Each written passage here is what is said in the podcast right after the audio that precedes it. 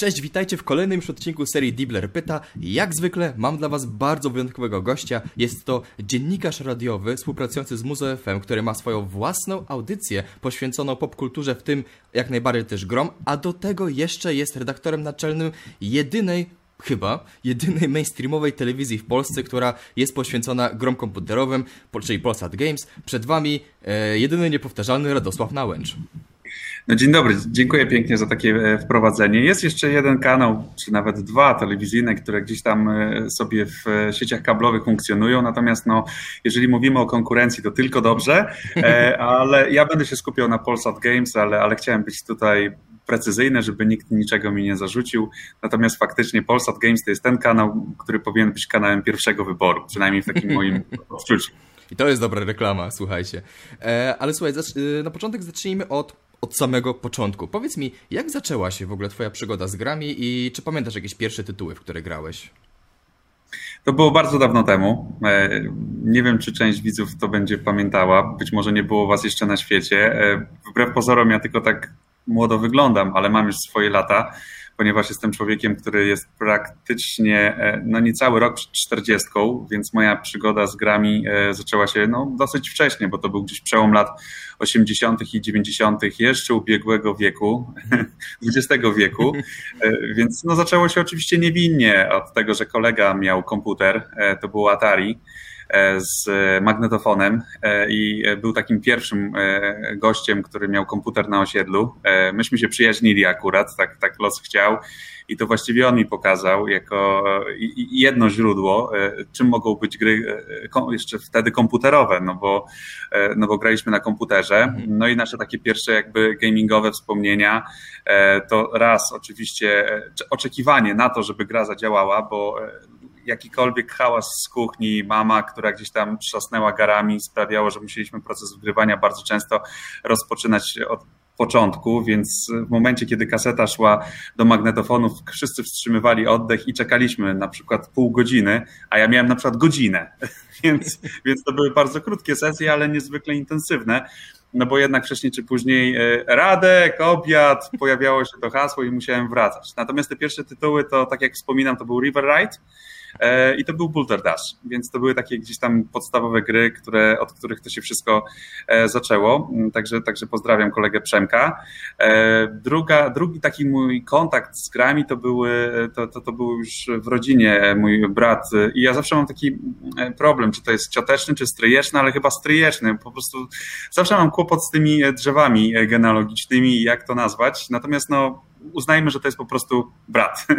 E, I, I on miał takiego pierwszego już peceta, takiego, no taką już wtedy wydawało mi się no, potężną maszynę, na której można było odpalić na przykład Wolfensteina, e, albo można było e, zagrać, no Heroesy to chyba były później, ale, ale, ale gdzieś tam z tamtych czasów pamiętam, że głównie zarywaliśmy nocki przy Wolfensteinie, a potem jeszcze przy Heroesach u jeszcze innego mojego kuzyna, mhm. do którego jeździłem do Białego Stoku.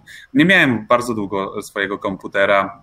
Były oczywiście jakieś tam konsole e, telewizyjne, ale to nie były ani SNES, ani NES, nic oryginalnego. To były jakieś takie podróbki, które gdzieś tam zalewały na początku lat 90. E, polski rynek. No i oczywiście tam były jakieś tam klony Mario, różnego rodzaju e, gry zręcznościowe ale jeszcze na ten swój pierwszy komputer musiałem trochę poczekać. Natomiast w końcu się doczekałem i ten mój pierwszy komputer to była Amiga 600 taki już własny i to była e, wersja z HD, czyli tam był jakiś taki dysk twardy, że to była taka nowość, że nie trzeba było żonglować dyskietkami, mhm. E, żeby pograć w grę. No ale pamiętam jeszcze takie czasy sprzedaży z podlady gier, gdzie na, na, na półkach były oryginały, a pan sobie kopiował w sklepie mhm. i, i, i wybierały się gry z katalogu. To gdzieś były czasy jeszcze, powiedzmy, początków prawa autorskiego, funkcjonowania w ogóle prawa autorskiego w Polsce. Więc to były bardzo takie, no, znaczy teraz to już takie czasy, które się wspomina oczywiście z rozrzewnieniem i z sentymentem, ale tak e, wracając do tych amigowych e, wspomnień, no to e, taka gra z, ze śmigłowcem Apache, to pamiętam, to była taka gra, której zarywałem no, tyle, ile mogłem.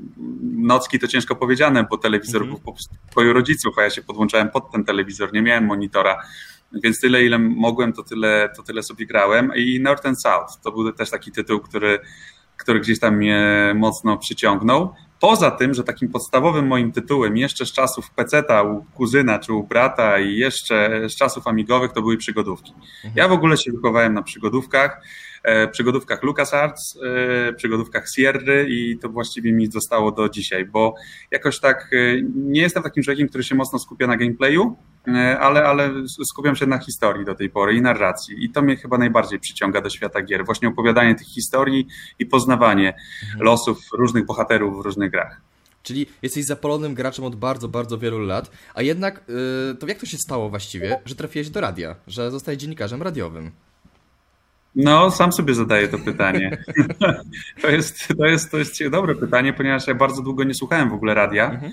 E, jak, jak, jak, jak byłem dzieciakiem jeszcze i, i, i potem pierwsze takie nastoletnie lata gdzieś to mi się zaczęło w ósmej klasie podstawówki, tak już na poważnie. Tak może siódmej, ósmej klasie, kiedy to zarywałem nocki, nasłuchując różnych stacji e, ogólnopolskich, które zupełnie inaczej brzmiały. Tamto, tamto, tamto radio było no, w jakimś tam moim sentymencie, e, powiedzmy, no nieskażone i jakąś taką znaczy każda antena była trochę inna, tak mi się wydaje, bo teraz mam wrażenie, że wiele stacji radiowych po prostu powiela zarówno playlistę, rozwiązania programowe, więc, więc no, zainteresowałem się tym przez szwagra, który pracował w lokalnej stacji. Ja pochodzę z Olsztyna i, i właśnie w Olsztynie te swoje pierwsze radiowe kroki stawiałem. Długo chciałem być w ogóle malarzem, bo chodziłem sobie do, tak zupełnie prywatnie do takiego pana, który mnie uczył malować, więc właściwie przez wiele lat śmierdziałem takim olejem, werniksem i myślałem, że pójdę po prostu na ASP i będę malował obrazy i nic więcej mnie nie interesowało. No, z wyjątkiem tych gier, które gdzieś tam się pojawiały, bo jak miałem Amigę, to też razem z tym zestawem, takim bundlem e, był dołączony program do grafiki. Mhm. E, więc starałem się odtwarzać, jak zobaczyłem załóżmy Day of the Tentacle, albo jak zobaczyłem Scouta Quatermastera, to chciałem jakby odtworzyć ten styl, bo strasznie on mnie wtedy, pamiętam, e, fascynował. Mhm. Takie asymetria, krzywizny i, i, i tam nawet jakieś animacje robiłem nie wiem, być może, być może byłem blisko w ogóle wejścia do game devu i może od, od, od tej strony jakby zainteresowań takich trochę humanistyczno-technicznych, które gdzieś tam, które gdzieś tam we mnie były, ale no nie było czasu na wszystko, bo była jeszcze szkoła, więc gdzieś tam malarstwo było też takim konikiem. Mhm. No i potem to porzuciłem na rzecz radia. Faktycznie, jakby wciągnąłem się do radia, zrobiłem swój pierwszy program, trafiłem w ogóle do radia studenckiego, e, będąc w ósmej klasie podstawówki. Tam zawsze były niedobory, zawsze była potrzeba e, kogoś, kto przyjdzie na nockę, albo kogoś, kto wieczorem usiądzie, albo kogoś, kto przyjdzie na nagłe zastępstwo. Wtedy myślałem, że to choroba, a teraz sobie to tłumaczę, że po prostu któryś ze studentów prowadzących podstawowy program zapił i trzeba było na przykład za niego usiąść, albo jakaś inna historia się wydarzyła, po prostu chciał w piątek pójść na imprezę, bo te pierwsze programy takie, kiedy mm, już udzielałem się też głosowo, to były popołudniówki piątkowe, jeszcze w takim radiu Kortowo, to było takie radio e, z radiowęzła, czyli ono nie nadawało FM-owo, tylko później później dopiero stało się radiem UWM FM i, i tworzyłem jakby pierwszą ramówkę, będąc już takim pracownikiem takiego prawdziwego radia, e, które nadaje jakby weter, tak, że już z powietrza można je złapać i, i faktycznie jesteś na antenie jako taki regularny prowadzący pasma.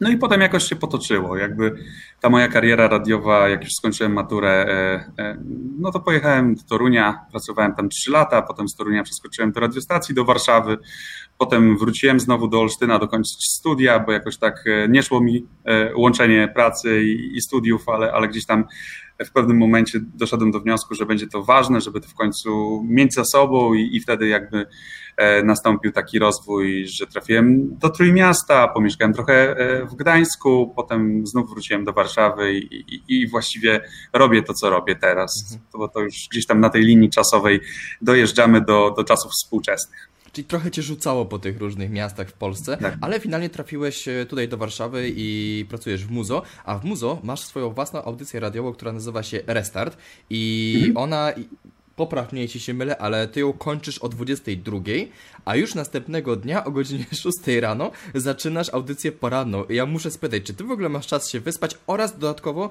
czy mógłbyś osobom, które nie znają audycji Restart opowiedzieć, czym ona właściwie jest? E, nie mam czasu na spanie. E, chyba, chyba nie da się nawet wyspać na zapas. E, takie są uroki prowadzenia poranków. Ja bardzo lubię prowadzić poranki, lubię budzić ludzi, lubię w ogóle tę energię, bo dojeżdżam do studia na, na oparach, ale w momencie, kiedy włącza się światełko, kiedy włączam mikrofon, to jakby to zmęczenie znika. E, prowadzę program, kończę ostatnie wejście i znowu się pojawia to zmęczenie, więc jakby ta, ta, ta obecność na antenie jakby wycina moment, w którym jestem padnięty, a potem gdzieś tam, e, no wiadomo, że przyroda lubi balans i równowagę, więc gdzieś tam powiedzmy to zmęczenie mnie dopada, no ale staram się nie dać temu zmęczeniu, więc mam dużo różnych zajęć, które nie pozwalają mi e, łatwo odpuszczać. Zresztą ja też nie należę do takich ludzi. Lubię robić dużo różnych rzeczy.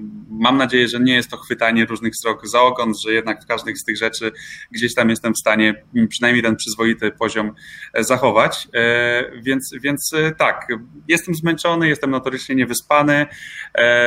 Śpię bardzo krótko, bo jeszcze trzeba znaleźć czas nie tylko na pracę, ale też na rodzinę i jeszcze na gry, które cały czas są przyjemnością ale być może to też jest e, trochę taka recepta, żeby łączyć przyjemne z pożytecznym, czyli jakby e, to takie już wyświechtane hasło, takie mądre powiedzenie, które mówi, że jeżeli e, pracujesz w tym, co kochasz, to właściwie nie pracujesz, tylko, tylko właściwie cały czas przebywasz jakby w tej strefie pasji i, jakby w tej strefie, jakby w tym swoim świecie, który, który, który gdzieś tam sobie budujesz dookoła.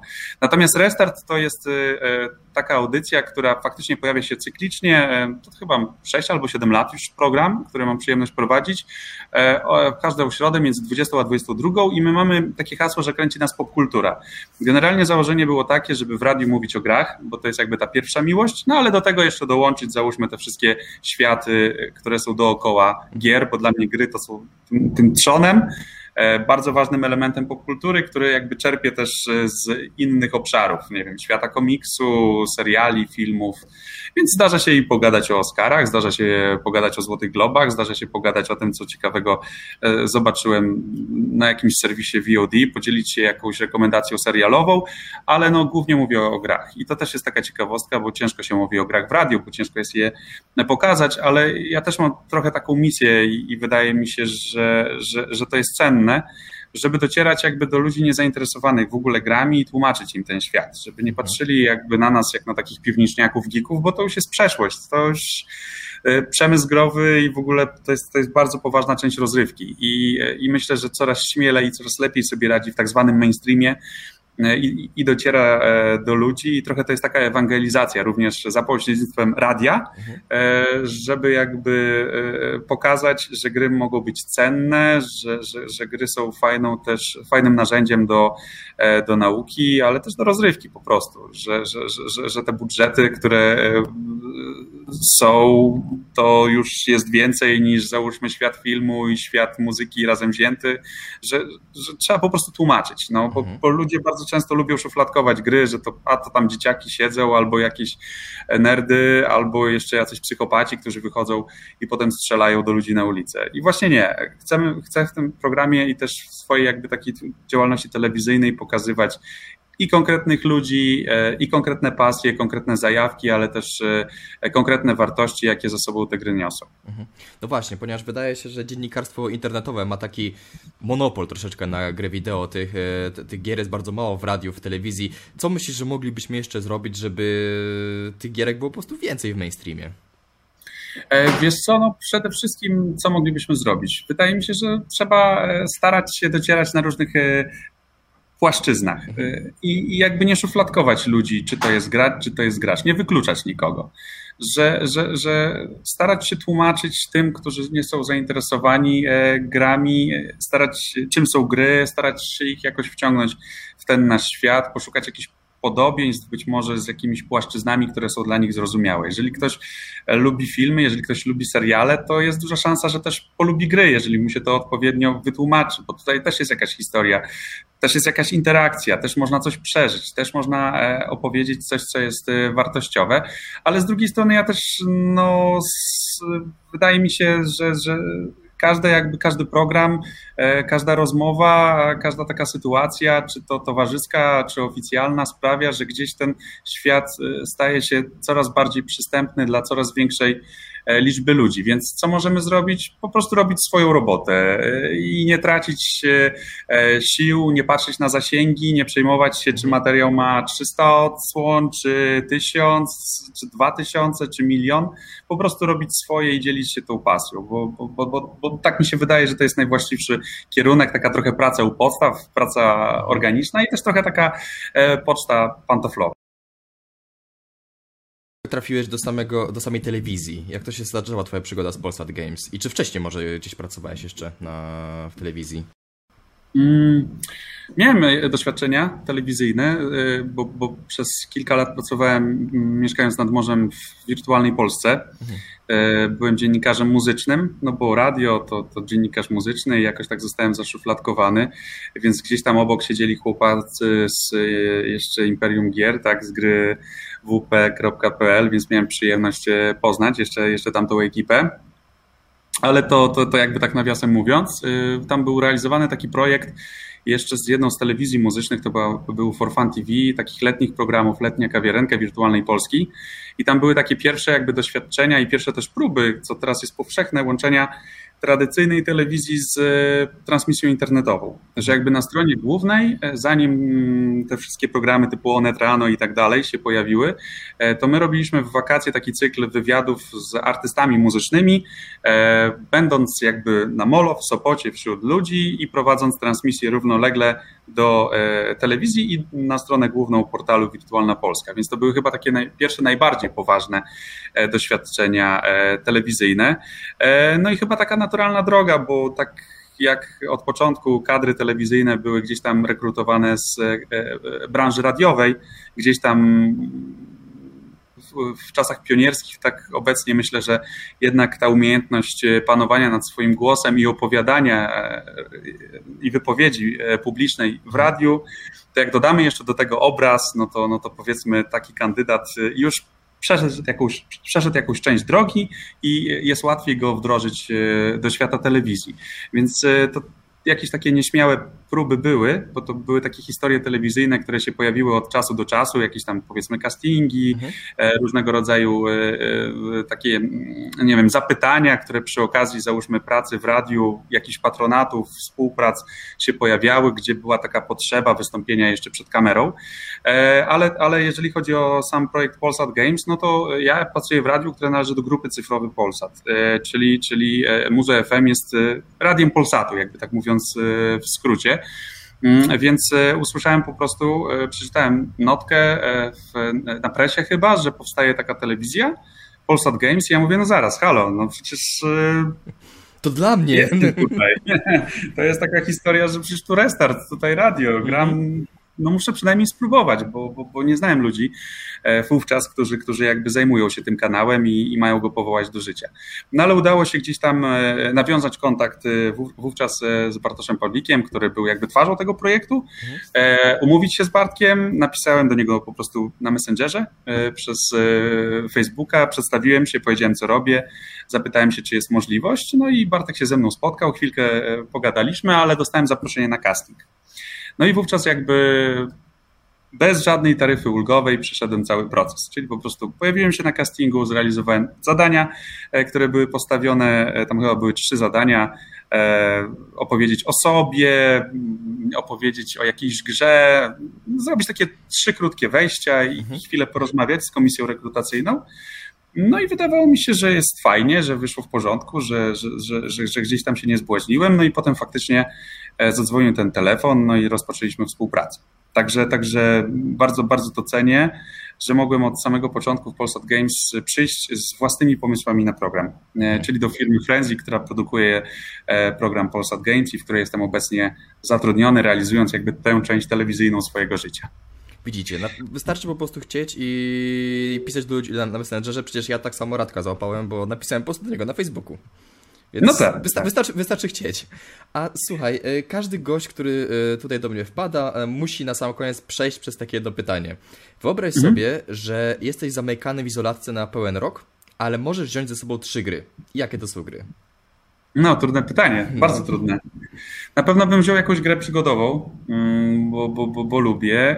Wziąłbym na pewno jeszcze grę z Kubki Wstydu, która mhm. jest niestety bardzo duża. Hołdło hańby już, tak? Tak, tak, tak. Może, może w końcu by się udało. No i wziąłbym po prostu, trochę naginając rzeczywistość, Switcha. No.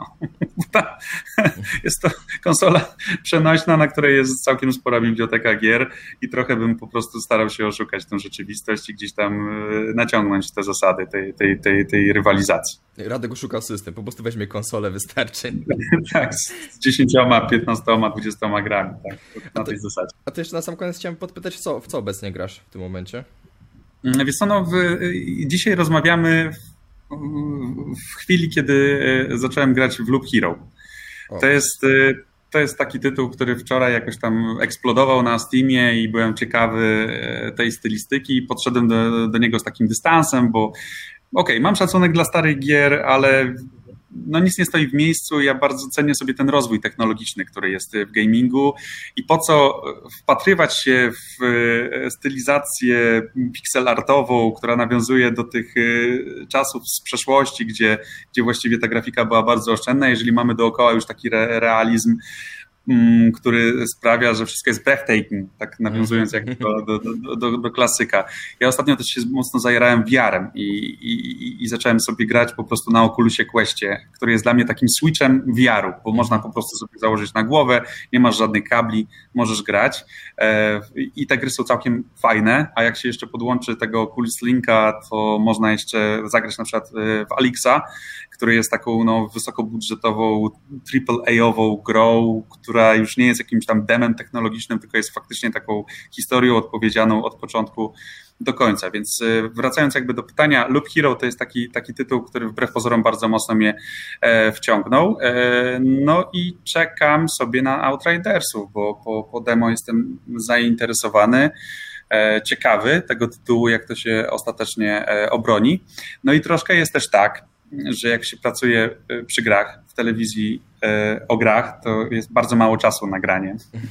I to jest, ja się zawsze śmieję, że to jest największe kłamstwo po prostu tego wszystkiego, tak, że, że niby tutaj twoim zadaniem jest granie w gry, ale jak się, ale w pierwszej kolejności są jakieś tam priorytety, organizacja pracy, redakcji, również mam funkcję określoną, przygotowanie FOPA, no to ten, ten czas się bardzo, bardzo mocno kurczy na, na, na samą grę. Słuchaj, ja cię doskonale rozumiem, ponieważ ja prowadzę od jakiegoś czasu bloga, gdzie piszę jakieś recenzje, jakieś falietony, wiesz, tego typu. Od kiedy zacząłem robić wywiady, to w ogóle nie mam czasu na granie, więc... No, tak. Co tak, dopiero tak, musi tak. być w twojej skali, prawda? No, w, w, myślę, że po prostu w, w, takiej skali, kiedy już człowiek y, zaczyna prowadzić też takie, nazwijmy to, dorosłe życie, mm. nieważne z czym się zajmujesz zawodowo, to tego czasu jest mało. Ale, ale, ale e, ostatnio też e, bardzo dużo gram z, z synem który ma 6 lat i, i radzi sobie bardzo dobrze, jeżeli chodzi o manualną sferę rozgrywki, czyli bardzo ma dobry refleks, y, potrafi obsługiwać pada mhm. i on jest takim bardzo dużym ultrasem, jeżeli chodzi o Mario, więc przechodzę wszystkie tytuły dobrze, Mario. Dobrze, dobrze.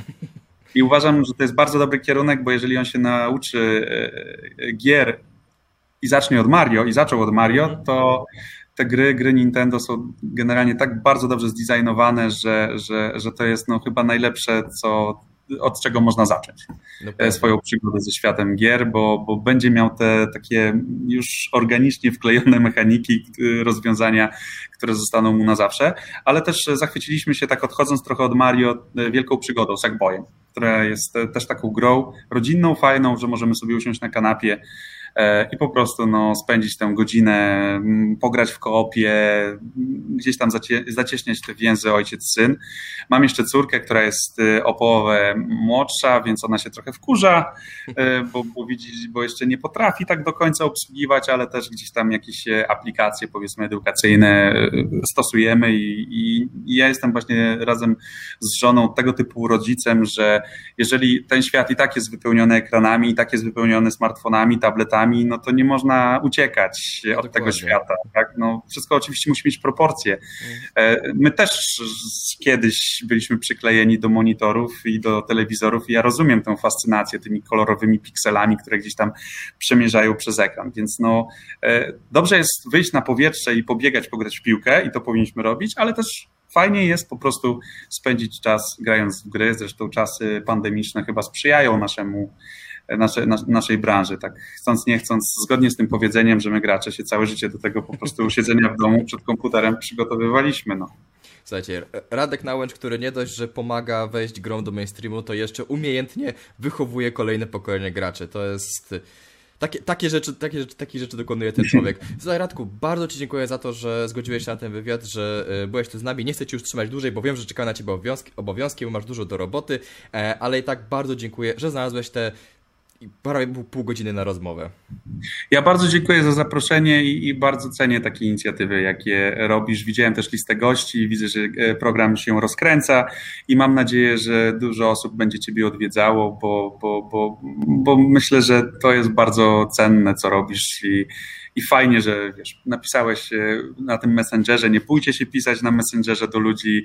E, część odpowie, część nie odpowie, ale, ale przynajmniej próbowaliście i po prostu się rozwijajcie tak jak każdy z nas. No, musimy się po prostu gdzieś tam e, e, trzymać w, w kupie, budować tą społeczność, e, nie wiem, nie kłócić się, nie rywalizować, tylko wszyscy działamy jakby we wspólnej sprawie, czyli takiej popularyzacji gier. Słyszeliście. Dobra, to, to dzięki wielkie, trzymajcie się i do następnego. Dziękuję bardzo za zaproszenie i pozdrawiam wszystkich. To była wielka przyjemność.